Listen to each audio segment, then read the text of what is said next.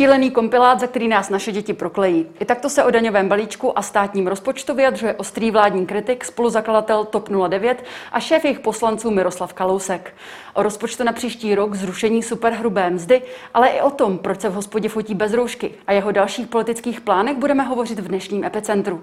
Já jsem Pavlína Horáková. Vítejte.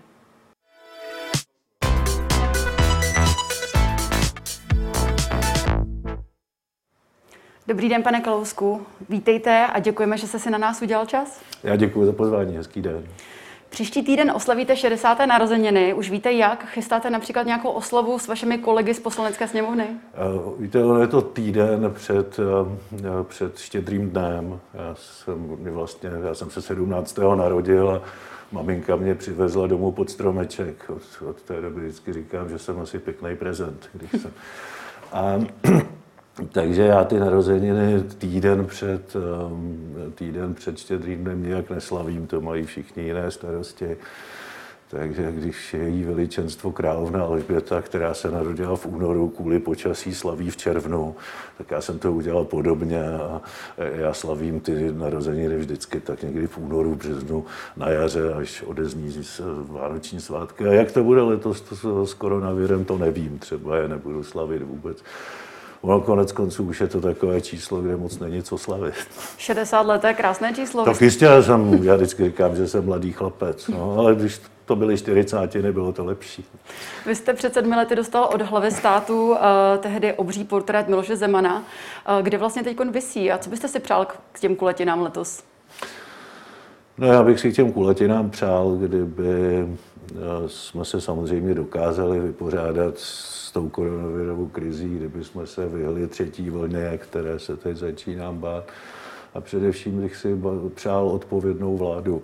Vládu, které není jedno, jak to tady bude vypadat za pět let a, a která neřeší jenom zítřejší den, tak obávám se, že to jsou příliš neskromná přání, že těch té se mi nedostane. A ten obraz kde pak vysí? Ten obraz, který jsem dostal od pana prezidenta, ten jsem vydražil na desátých, na desátém výročí TOP 09. Tam jsme dražili předměty na dobročinné účely a vydražil se za, za velmi pěkné peníze, myslím, že asi za 30 tisíc. A, mm-hmm. a koupil si ho radní hlavního města Prahy, pan Jan Chabr, tak se zeptejte jeho, kam si ho pověsil. Vy jste dnes uh, nespůsobíte velmi zdravě, energicky, ale poslední době jsme vás výdali, uh, chodil jste o holi. Uh, zprávám, blesk zprávám jste sdělil, že si myslíte, že nevyhnutelná operace. Uh, jak, to, jak to vypadá momentálně, ten váš zdravotní stav? Já mám artrózu v kolenou, mm. to, takže občas to zlobí a pravděpodobně to jednou skončí endoprotézou, ale to bývalí sportovci mladší než já už mají endoprotézu za sebou. Mě to pravděpodobně ještě čeká, ale Teď, teď se to zlepšilo, chodil jsem na obstřiky a už zase můžu normálně chodit. Bohužel se musím pomalu rozloučit se svým milovaným tenisem, to už je sport, který na tu artrózu není, takže plavu, jezdím na kole, cvičím, ale takové ty sporty s ostrými starty a ostrými brzdami, ty, ty, už, ty už nejsou pro mě. Pojďme tedy na ty nejaktuálnější témata, čímž určitě je PES. Tady už na nás kouká pan ministr Blatný. Já se zeptám, vy stále ještě nazýváte koronavirus čínským virem. Byl jste za to podstatně výrazně kritizován právě mladými lidmi? Nazývám to čínským virem, protože to samozřejmě je čínský virus, přišel z Číny, ale vzhledem k tomu, jaké to budí vášně, tak eh, jako zase proč bych se měl zbytečně hádat o název, takže jako stále si myslím, že je to čínský virus, občas to řeknu, nemyslím si, že je na tom něco špatného. Chudáci Španělé odskákali španělskou chřipku a přitom ten virus nešel ze Španělska. Mm. Tady eh, tenhle virus jde skutečně z Číny ale tím termínem šetřím právě proto, že ta hádka o ten název je úplně zbytečná, máme jiné starosti. Mm-hmm. O vládě Andreje Babeše prohlašujete, že večer netuší, co udělá zítra. Česko se nyní řídí podle tabulky PES. Jsme oficiálně ve třetím stupni indexu. Rizika však odpovídá již třetí den té čtyřce, protože je 64. Podle čtvrtého stupně v Sabě tedy mělo docházet k uzavírání obchodů, restaurací, služeb. Přesto včera vláda oznámila, že Česká republika zůstává ve třetím stupni a PES tedy de facto tou první zatěžkávací zkouškou eh, toho prvního zpřísnění eh, neprošel, neustál to. Jak to vnímáte to, že vláda nám tady slíbila, že ten pes nás bude nějakým způsobem vést, že nám řekne to, co, že budeme chápat to, co nás čeká a momentálně si z toho dělají trošičku, co chtějí? No, no to, to je přesně ono, co jsem říkal, že vláda večer netuší, co dělá zítra. Ta, Víte, samozřejmě, že to zavírání nebo omezování podnikání je strašně nepříjemné, ale vůbec ze všeho nejvíc nepříjemnější a má, má dotaz, je ta nejistota. Je ta, je ta nejistota, že ta vláda nemá žádnou strategii, že není schopná říct a dodržet, za jakých podmínek se jak bude chovat. Já myslím, že včera jsme to viděli v přímém přenosu. Rozvolnění přišlo ve čtvrtek. Začaly se zhoršovat čísla a je evidentní, že ta zhoršená čísla nemohou být důsledkem toho čtvrtečního rozvolnění. To uvidíme až za 14 dní. A já naprosto nechápu, proč to museli odskákat právě bary a restaurace, včetně popíjení alkoholu na veřejnosti. Představte si stankaře, který si nakoupil spoustu vína na svařené víno, mm. protože ve čtvrtek to bylo povoleno a bylo to rozvolněno. A v pondělí, tři dny poté, mu zase vláda řekla, ne, v 8 se zavírá a ty nesmíš prodávat alkohol prostě z okýnka ven. Je to nesrozumitelné, je to chaotické, kdyby vláda řekla v ten čtvrtek, ty restaurace smí být otevřené jenom do 8 hodin a nesmí se popíjet alkohol na veřejnosti, tak je to srozumitelné. Mm-hmm. Ale ve čtvrtek to pustit a v pondělí to utáhnout na základě čísel, které nemohou být eh, důsledkem těch restaurací a barů, to je vidět, že si prostě dělají jenom alibi. Mm-hmm. A doopravdy žádnou strategii nemají, působí to chaoticky, působí to strašně nedůvěryhodně, no a to má to potom dopad na celou společnost.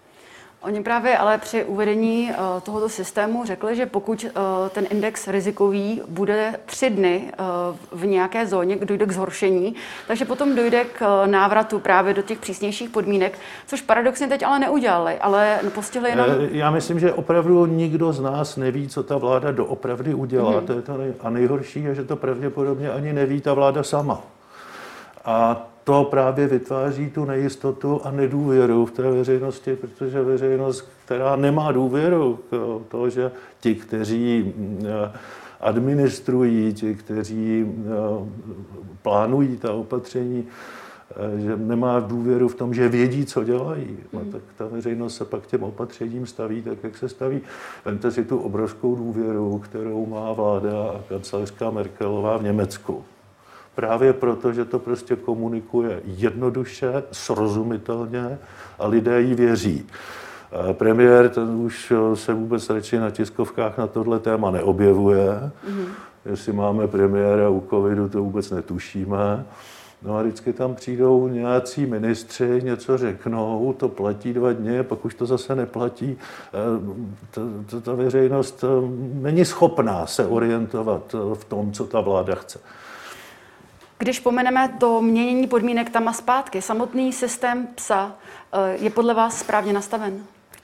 Já to neumím. Mm-hmm. To se přiznám, že neumím.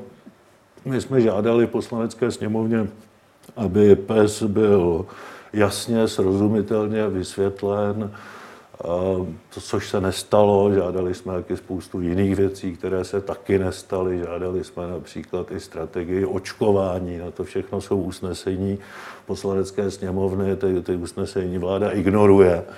A jenom chce, aby jsme jim schválili nouzový stav a mlčeli. Tak takhle prostě ta spolupráce taky nemůže vypadat eh, se sněmovnou a s opozicí.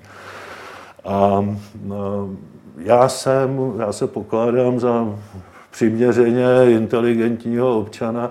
Já jsem ten pes nepochopil.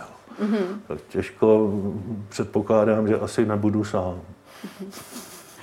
Vy jste zmínil restaurace. Vy jste během jejich uzavírky byl načapan reportéry radiožurnálu, kteří vás přistihli. 40 minut se trávil čas v restauraci na Pražských Vinohradech, kdy jste si přišel k výdennímu okénku pro oběd. Po otevření interiéru podniku jste sám na Twitteru zveřejnil fotografii s majitelem této restaurace, který je i váš kamarád, s komentářem Otevíráme provoz dnes už bez pokuty. Na fotografii jste ale oba byli bez roušky. Tu jste tedy velmi rychle zase vyměnil, ale politice by, politici by měli být v těchto těžkých časech uh, přeci uh, by měli jít příkladem. A není to tedy zbytečné provokování? To máte pravdu, ale to nebyla úmyslná provokace. Hmm. My jsme měli radost, že otevíráme, vyfotili jsme se u baru, nenapadlo nás, že když mohou sedět čtyři lidé bez roušky u stolu, takže nemohou stát dva u baru.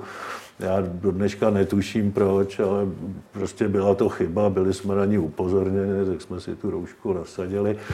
A pokud má někdo pocit, že jsem se prohřešil, takže je potřeba za to být pokutován, ať, ať mě pokutuje, ale já mám čisté svědomí, protože jsme tam, tam byli dva, servírka to fotila a u stolu jsme jí sedět čtyři, já jsem opravdu nikoho neohrozil. Mm-hmm. Byli si dát do nosu a pubertácké výmluvy nedůvěru jenom zvyšují. Hmm. Papaláši, kteří si myslí, že pro ně pravidla neplatí. To jsou vaše slova, která jste tweetovala v den, kdy jsme zveřejnili fotografie no. u uh, dnes už ex-ministra Romana Primuly před restaurací Rius na, na Vyšehradě. Nezdá se vám, že tady poměřujete trošičku dvojím metrem? Ne, protože, eh, rozumíte, já pokud jsem se dopustil toho, čeho jsem se dopustil a mrzí mě to, tak já jsem se nedopustil žádného papalášství. Já jsem nešel do zavřené hospody cokoliv projednávat nebo slavit. Já jsem si nevymohl něco, eh, co jako politik, eh, že jako pro politika pro mě platí jiná pravidla. S Danem Jelínkem z Lučné samoty jsem kamarád, no, otevřel jsem mu otevřel jsem mu restauraci, kdy měl radost, že už může otevřít, no a zapomněli jsme si při té fotce vzít roušku. Mm-hmm. Jako, opravdu to není papalářství. Mm-hmm. A, a Ale může to tak být konec, vnímáno. Chápete, konec, konců, že... konec konců hlučná samota není restaurace pro papaláše, to opravdu ne. Jistě, ale pro člověka, který bydlí někde eh, na okraji České republiky, tak, eh, tak třeba nezná, i tu restauraci neví, ale samozřejmě na něj působí, no, že vy na jednu stranu... Já vám eh, říkám, že mě to mrzí, že jsme hmm. si tu roušku vzali okamžitě, jakmile jsme si uvědomili, že dva lidi u baru roušku mít musí, zatímco čtyři lidi u stolu roušku mít nemusí. Hmm. Já si myslím, že smyslem těch opatření je, aby lidi k sobě byli ohleduplní, aby se navzájem nenakazili smyslem není to, že se budeme navzájem nachytávat, jestli dva lidi u baru roušku mít musí, zatímco čtyři lidi u stolu roušku mít nemusí, ale prosím, já to respektuju, jestli to někomu vadí, ať mi dá pokutu, já ji zaplatím. Mm. Když jste u té pokuty, Pražský magistrát i Pražská hygiena se měli vaším případem zabývat. Vy jste řekl, že tu částku v té horní hranice postihu, tedy 10 tisíc korun, eh, budete věnovat eh, v v boji proti epidemii, proti nového koronaviru. Jak to vlastně dopadlo? Už se ty peníze někam dál? Kam? Dál inspiroval mě eh, červený uh, vlčí mák, protože to byl zrovna listopad a bylo výročí příměří. Mm-hmm. Chodili jsme všichni s tím vlčím mákem a v ústřední vojenské nemocnici je domov Vlčí mák, který se stará o válečné veterány tak jsem jim poslal 15 tisíc mm. na prostředky pro ochranu před covidem, 10 tisíc jako horní limit pokuty a 5 tisíc byl můj dárek, když měli to výročí. Včera bylo oznámeno, že eh, právě panu Primulovi i eh, panu Foltínkovi byla, byla vystavena pokuta ve výši 3000 korun. Eh, vám už přišlo nějaké vyrozumění? Ne, nepřišlo, ale hmm. až mě přijde, tak tu pokutu zaplatím, odvolávat se nebudu. To jsem říkal, že pokutu prostě zaplatím. Když přejdu na červenou nebo poruším, když přejdu na červenou nebo překročím rychlost na silnici, tak se taky nikdy neodvolávám na imunitu a platím pokutu. Znovu opakuji, nejsem svatý, ale nejsem papaláš. Mm-hmm. Pro mě platí ta pravidla stejně jako pro každého jiného. Točme tedy list. Vláda bude žádat o prodloužení nouzového stavu o dalších 30 dní, eh, který tedy ten nouzový stav vyprší 12. prosince. Vy jste už eh, se nechal slyšet, že to nepodpoříte. Co je pro vás tím hlavním důvodem? Eh, no, my jsme byli strašně vstřícní zatím ve všech případech na jaře i teď. Hmm. A vždycky jsme chtěli slyšet, na co vláda ten nouzový stav potřebuje. A především jsme se chtěli domluvit, co během toho nouzového stavu udělá. Hmm. A znovu opakuju, existuje na to celá řada usnesení poslanecké sněmovny. Například si strašně myslím, že je důležité, většina zemí už má strategii očkování, e, aplikaci vakcíny. E, nic z toho, což vláda žádala vždycky svými usneseními při prodloužení nouzového stavu, nic z toho ta vláda neudělala tak prostě nemůže, nemůže dělat to, že vždycky přijde a řekne, schvalte nám nouzový stav, na nic se nás neptejte. A co budeme dělat, to uvidíte sami. My to vlastně ještě teď nevíme, jenom víme, že potřebujeme ten nouzový stav. Tak jsem přesvědčen, že tentokrát už prostě ruku nezvedneme. Já tady hmm. určitě ne. A to definitivní, definitivně mě o tom o, o, právě ujistil ten včerejšek kdy bylo zřejmé, že to opatření, které dopadlo na restaurace a bary, je jenom alibismus. Mm-hmm. To není opatření, které může vycházet z nějakých aktuálních dat, protože ta data nevycházely z restaurací a barů. Tak proč restaurace a bary? Mm. Prostě já pro tohle už ruku nezvednu. Nezvednete ruku pro jakékoliv prodloužení nouzového stavu nebo pro to 30 denní? Eh, já jsem přesvědčen, že nezvednu ruku pro žádné. Mm. Je možné, že naše paní předsedkyně povede ještě s vládou jednání o tom, jestli přece jenom nesplní ta usnesení poslanecké sněmovny, které nesplnila. A kdyby je ta vláda urychleně splnila, tak se můžeme ještě zamyslet, že ještě jednou, ale Nemám pocit, že vláda chce splnit usnesení poslanecké sněmovny. A jestli komunikuje s poslaneckou sněmovnou tak, že eh, ignoruje její usnesení, ignoruje její úkoly, které té vládě dává, ale chce dál a dál prodlužovat nouzový stav, tak prostě nemůže očekávat střícnost. Která z těch jejich opatření považujete za nejproblematičtější a proč? Počkejte, jaká opatření? Ta Myslíte opatření tam... proti, proti šíření koronaviru. Já nepokládám žádná opatření za problematická, hmm. pokud dávají logiku. Pokud jsou součástí nějaké strategie, které lidé rozumí. Rozumíte té strategii? Já ne. Prostě eh, vláda nedokázala veřejnosti vysvětlit, co bude kdy dělat.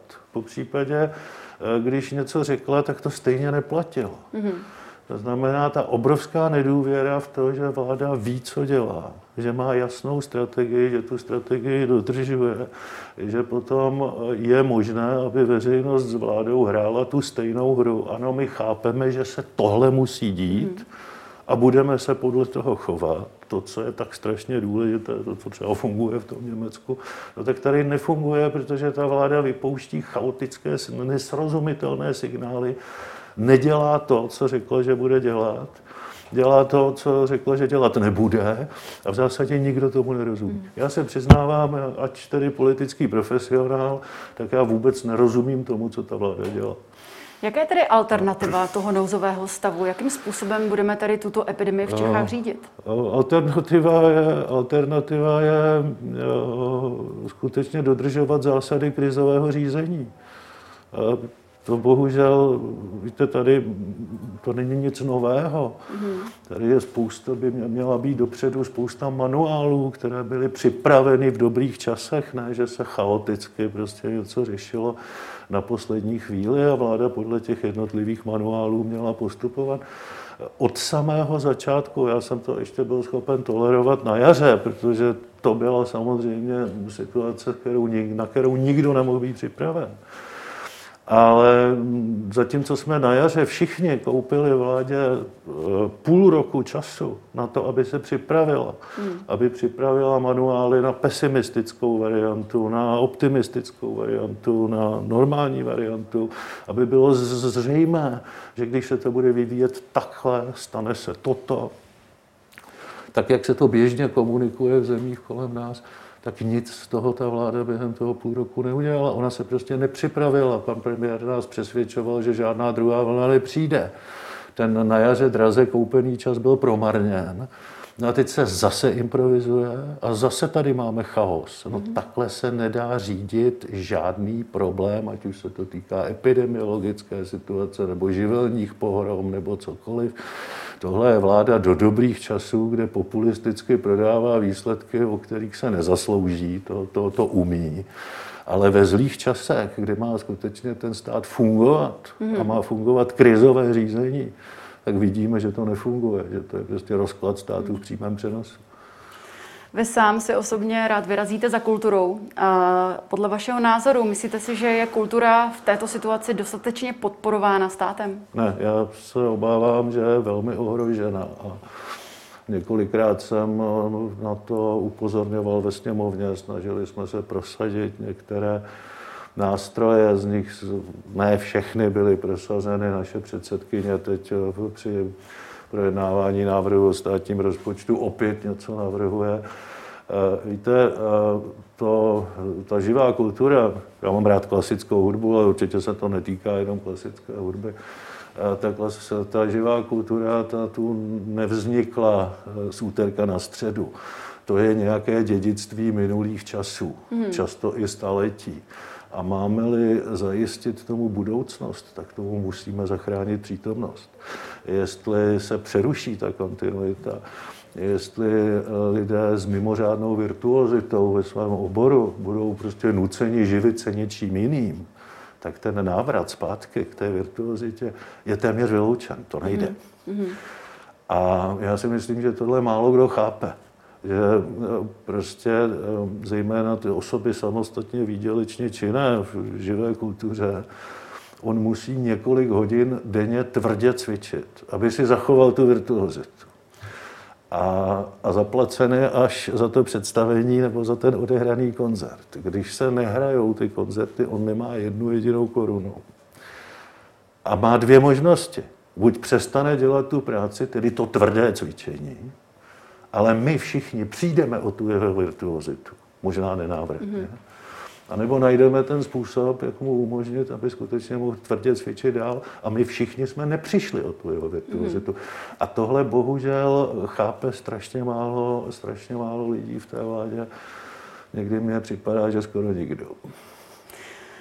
Napojím na to, je tedy tím řešením to uh, nezavírat tu ekonomiku, anebo tedy více jim pomoci ze státní pokladny. Já k tomu připojím, že ekonomka Danuše Nerudová v tomto pořadu minulý týden upozornila na to, že uh, během té první jarní vlny koronaviru zanikla až, zaniklo až 10% podnikatelských uh, subjektů. Kdyby ta tendence byla stejná, tak na jaře se budeme muset vyrovnat s tím, že zanikne tedy až 30% podnikatelů a tady přijdeme i o velkou část daňových příjmů do státní pokladny. Tak jaké je tady to řešení? I vzhledem k té kultuře vlastně. Víte, eh, já si myslím, že tam, kde stát eh, něco administrativně omezí, mm-hmm. my jsme samozřejmě v situaci, kdy tady není jenom koronavirová krize, a ta ekonomika měla problémy ještě před koronavirem. Tam se s tím prostě nedá nic dělat. Ekonomika projde svojí restrukturalizací, to bude mít své vítěze a poražené, spousta lidí zkrachuje, to v každém případě. A to je prostě běžný vývoj, běžný vývoj ekonomické, ekonomického prostředí a trhu. Ale tam, kde stát něco administrativně zakáže, ty nesmíš vykonávat svoji práci, tak musí příslušným způsobem kompenzovat. To je fér. My jsme v tomhle smyslu také předložili učkodňovací zákon.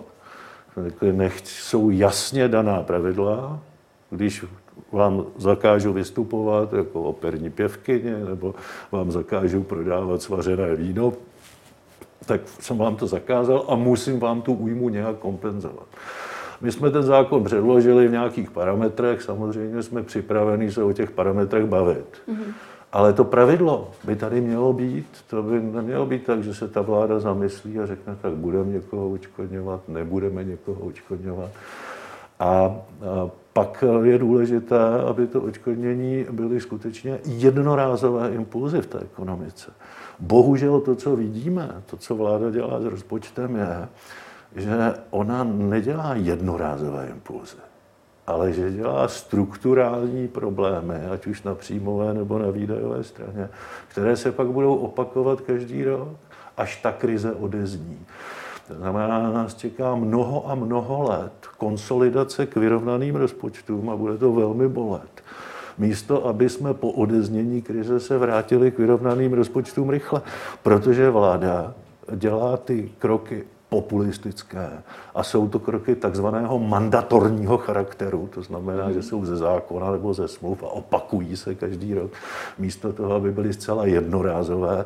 Letos budeme mít obrovský deficit, protože jsme museli eh, pomoct těm, kterým jsme zakázali podnikat, no ale až ta krize odezní, tak ten deficit mít nebude. Tady bohužel nás čekají 100 miliardové deficity v dalších a dalších letech a přitom ti, kteří tu pomoc potřebovali, ji dostali velmi malou. Mm-hmm těm deficitům se právě dostaneme v další části epicentra. Minulý týden se v poslanecké sněmovně ve druhém čtení projednával návrh státního rozpočtu na příští rok. Ten je momentálně navrhován se schodkem 320 miliard, ale to ještě neobsahuje ten tak diskutovaný daňový balíček, který by mohl prohloubit nákladovou stranu až 100, o 120 miliard korun. A to bude právě tématem za malou chvíli.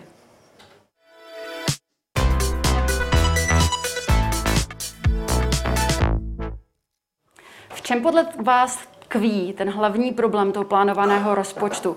Eh, je to ten vysoký schodek eh, a jak velký ten schodek vlastně očekáváte? Kolik si myslíte, že se budeme muset zadlužit? No ten problém tkví především v tom, že ten rozpočet který máme na stole a u nějž byly schváleny ty základní parametry, ať už výdaje, příjmy, saldo, vztahy na místní samozprávy, tak nic z toho není pravda. Mm-hmm. Jediná, jediný pravdivý údaj v tom zákonu, kterém se říká, že je nejdůležitější zákon v roce, jediný pravdivý údaj je těch 1 eh, bilion 800 zhruba 8 miliard, nevím, je to 1,8 bilionu a nějaké miliardy výdajů. Tak to je nemilosrdný, pravdivý údaj. Ten stát strašlivě nabobtnal, má mnohem víc výdajů, než bychom si měli dovolit jako desetimilionová země. To všechno ostatní není pravda. Ty příjmy, které jsou plánovány ve výši zhruba 1 bilion 448 miliard, ty budou mnohem nižší ze dvou důvodů. Za prvé jsou plánovány z prognózy, která ještě nepočítala s druhou vlnou koronavirové krize, to znamená počítala s mnohem lepším vývojem ekonomiky. A za druhé nepočítali ty legislativní změny, ten daňový balíček, který prostě bude schválen, bude schválen pravděpodobně až poté, co bude schválen zákon o státním rozpočtu, ale těch zhruba 80 až 100 miliard, já nevím, co definitivně bude schváleno, ty do toho rozpočtu dopadnou. Mhm. Ty výdaje se utratí, ty příjmy ne. A já předpokládám, že deficit nebude 320, ale bude někde kolem 450 miliard. A co je horší, mm-hmm. kdyby už potom ten následující rok, ten rok 22, ten deficit byl mnohem menší a bylo vidět, že rychle spějeme zpátky k vyrovnaným rozpočtům, tak to nějakým způsobem přežijeme.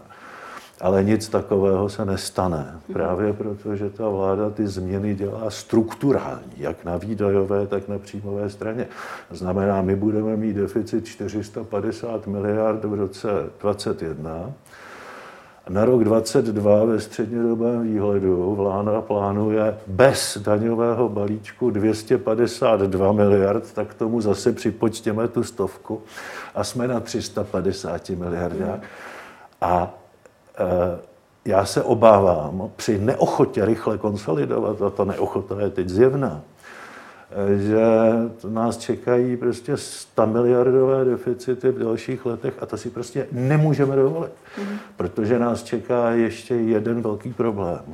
Až odezní koronavirová krize, tak nás čeká krize demografická. Až po roce 2030 odejdou silné ročníky, které dnes platí sociální a zdravotní. Až odejdou do penze a nebudou to plátci, ale budou to státní pojištěnci a budou brát důchod, tak za nimi jsou ročníky mnohem slabší, které to neufinancují. A pokud nedojde k reformám, a k těm nedojde, protože bohužel politická scéna je na ně zbabila poslední léta a už začíná... Paní ministrně Maláčová se pokouší právě prosadit eh, novou reformu důchodového, eh, důchodové systému. Já tu reformu ještě neviděl a jestli někdo slibuje reformu 6 let a předloží ji půl roku před sněmovníma volbama, tak je to spíš hořký vtip, mm-hmm. než že se něco snažím prosadit. A eh, pokud k tomu pokud k, to, pokud k tomu roku, kdy začne ta demografická krize, mm-hmm. dojdeme vyčerpáním mnohaletými stalmiliardovými deficity, tak já skutečně se nesmírně bojím toho dopadu, protože to je o penzijní a především zdravo dostupné zdravotní péči každého z nás. A znovu říkám, mluvila jste o mých šedesátinách, tak já bych se třeba docela rád dožil 80, ale v těch 80 letech, pokud ten vývoj půjde tak, jak půjde, tak jsem smířen s tím, že mi bude dramaticky snížen důchod, možná až o 20%. Nebude jiné řešení v té době. Tak si vypěstuju brambory na zahrádce. Aby, ale tu dostupnou lékařskou péči, tu si na zahradě nevypěstuji. A to je obrácená strana téže mince, jako je penzijní účet. To to, co dneska ta vláda dělá, je hazard s penzijní i zdravotní péčí každého z nás. A já se bojím čím dál tím víc, že, že to bude velmi, velmi bolet. Ta problematika současného důchodového systému vůbec, aby byl trvale udržitelný, byla aktuální ještě před koronavirovou krizí. Eh, vy jste několikrát právě varoval před tím, že na důchody nebude, i dnes jste to zmínil, eh, že si nechcete půjčovat od svých vnuků. Eh, co dál tedy, co dál s těmi penzemi? Jak to tedy vyřešit? V případě těch dnešních 40 50 by skutečně ono, na ně zbylo. Ono, my jsme nastartovali jednu penzijní reformu v roce 2011 mm-hmm.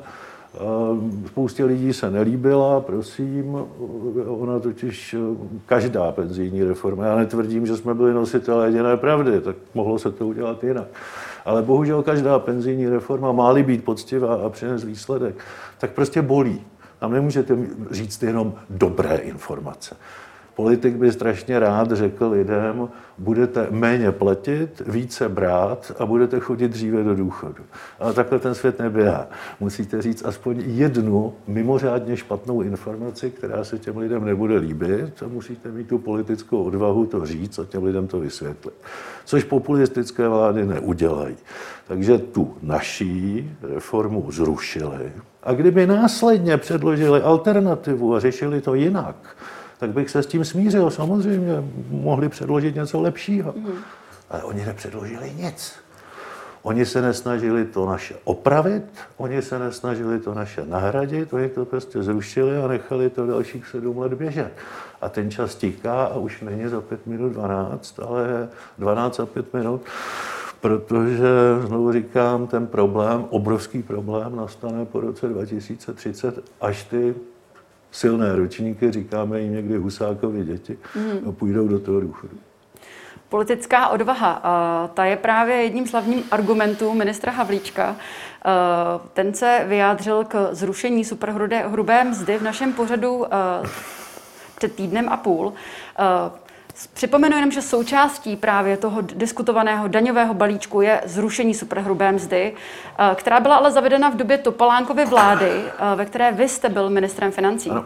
Pojďme se nyní podívat na slova ministra průmyslu a obchodu. Celou tu dobu, co se to zavedlo, to nebylo správně, jenom se čekalo, která vláda najde tu odvahu, že to na ten megašvindl zruší. Abych to překroutil na to, eh, co to vlastně znamenalo pro běžného spotřebitele občana. Za tu dobu, co se jim slíbilo, že budou mít 15%, to bylo rok tuším 2008, a najednou si jim z toho udělalo, nemáš 15%, ale máš 15% eh, ze superhrubé mzdy, to znamená, nemáš to, co bereš, ale máš vlastně o 34% navíc. Mm-hmm. Tak z toho ti to budu počítat. Čili tenhle ten jednoduchý trik, který byl, tak člověka s průměrnou mzdou to stálo jedno auto. To znamená, ten, kdo to zavedl, nevím, to byl Topolánek, kdo to byl, eh, pan Kalousek a tak dále, tak prostě nech těm lidem prostě každému s průměrnou mzdou eh, dneska vyklopí jedno auto. To je ten švindl, který na tom nastal. A teď pak už byla jediná diskuze o jediné věci. Kdo se odváží to zrušit?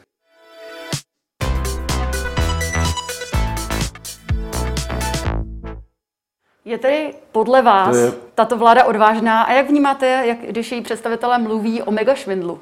Tak za prvé, politická odvaha spočívá v tom, že říkám nepopulární věci. Odvaha nespočívá v tom, že někomu přidám obrovské peníze, na které si půjčím, nebo hmm. snížím jednostranně daně, aniž bych předpokládal, že snížím i výdaje. A to není politická odvaha, to je politická nezodpovědnost.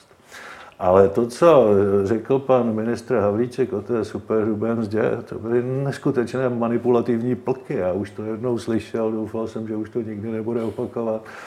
To, prostě, to přece není pravda. On není tak mlád aby si nepamatoval, co bylo před zavedením té superhrubé mzdy. Před zavedením té superhrubé mzdy byly čtyři pásma progresivního zdanění.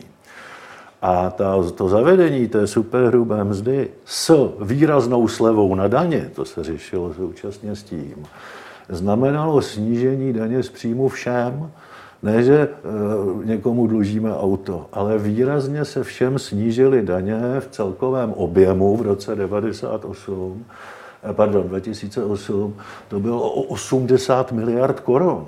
To to bylo velké snížení daní zavedení superhrubé mzdy. A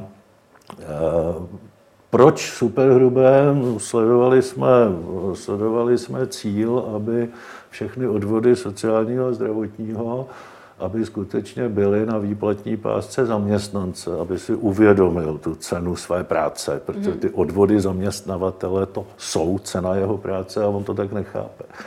To se nepodařilo. To už ten, ten druhý krok se nepodařil. A proto my jsme v roce 2011 prosadili zákon, který tu superhrubou mzdu zrušil.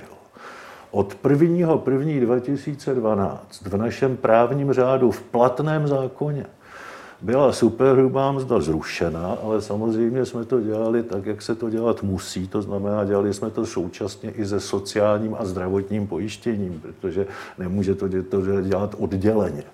Takže to bylo současně se sociálním zdravotním pojištěním, zákoně, který se týkal jednotného inkasního místa. Superhrubá mzda byla v roce od 1. první v našem právním řádu zrušena s účinností od 1. první 15. Mm-hmm. Ano, a sociální demokracie tohle zrušili v roce 14 Jinými slovy, tím, že to nenechali doběhnout do toho prvního první 15, tak superhrubou, zrušenou superhrubou mzdu ANO a sociální demokracie znovu zavedly. Mm-hmm.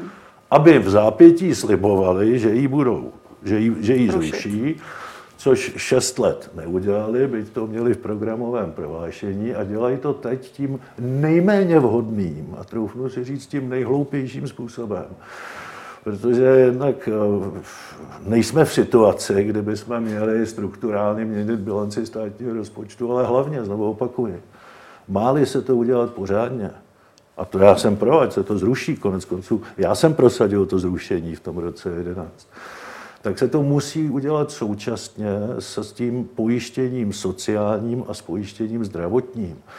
Daňová reforma se nedá udělat tak, že se vyřeší jedna sazba u jedné daně. Musí se udělat daňová reforma současně s reformou penzijního a zdravotního pojištění. A tím hlavním cílem nesmí být, že budeme mít sazbu 15 nebo 16% nebo jak teď licitují v Senátu. Tím hlavním cílem musí být udržitelnost penzijního systému a systému zdravotního pojištění právě proto, aby se nám nestalo za 10, 15, 20 let, že nebudeme mít tu zdravotní péči a nebudeme mít důstojné důchody. Způsobem, kterým to dělá, udělala poslanecká sněmovna a způsob, kterým teď probíhá v Senátu, to může dopadnout špatně nebo ještě hůř, ale nemůže to dopadnout dobře. Mm-hmm.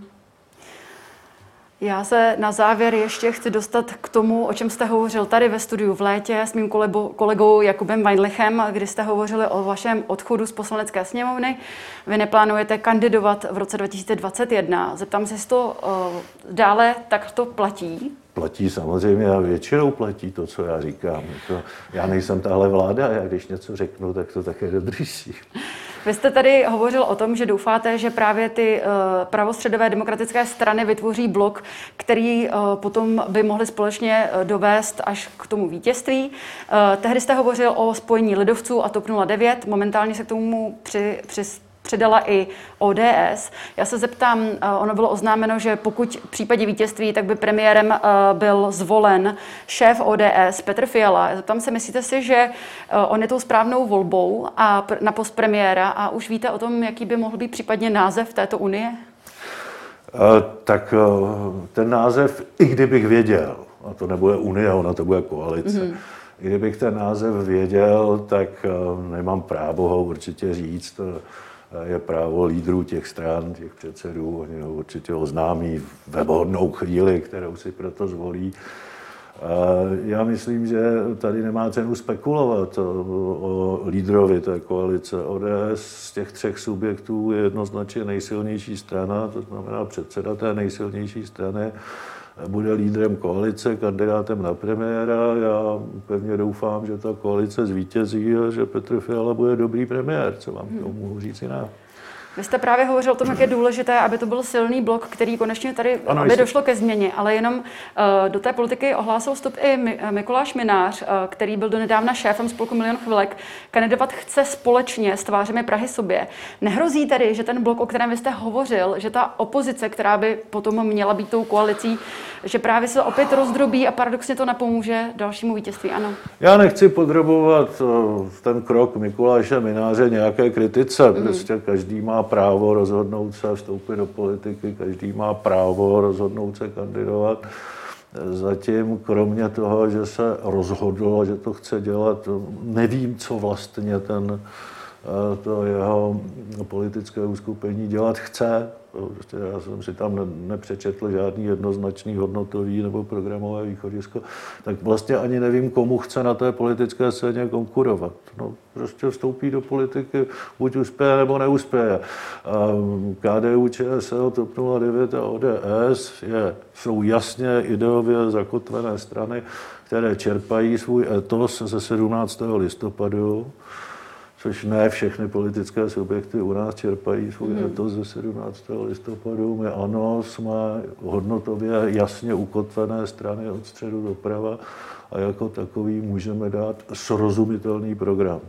Ten program nemůže být přitažlivý pro 100% lidí.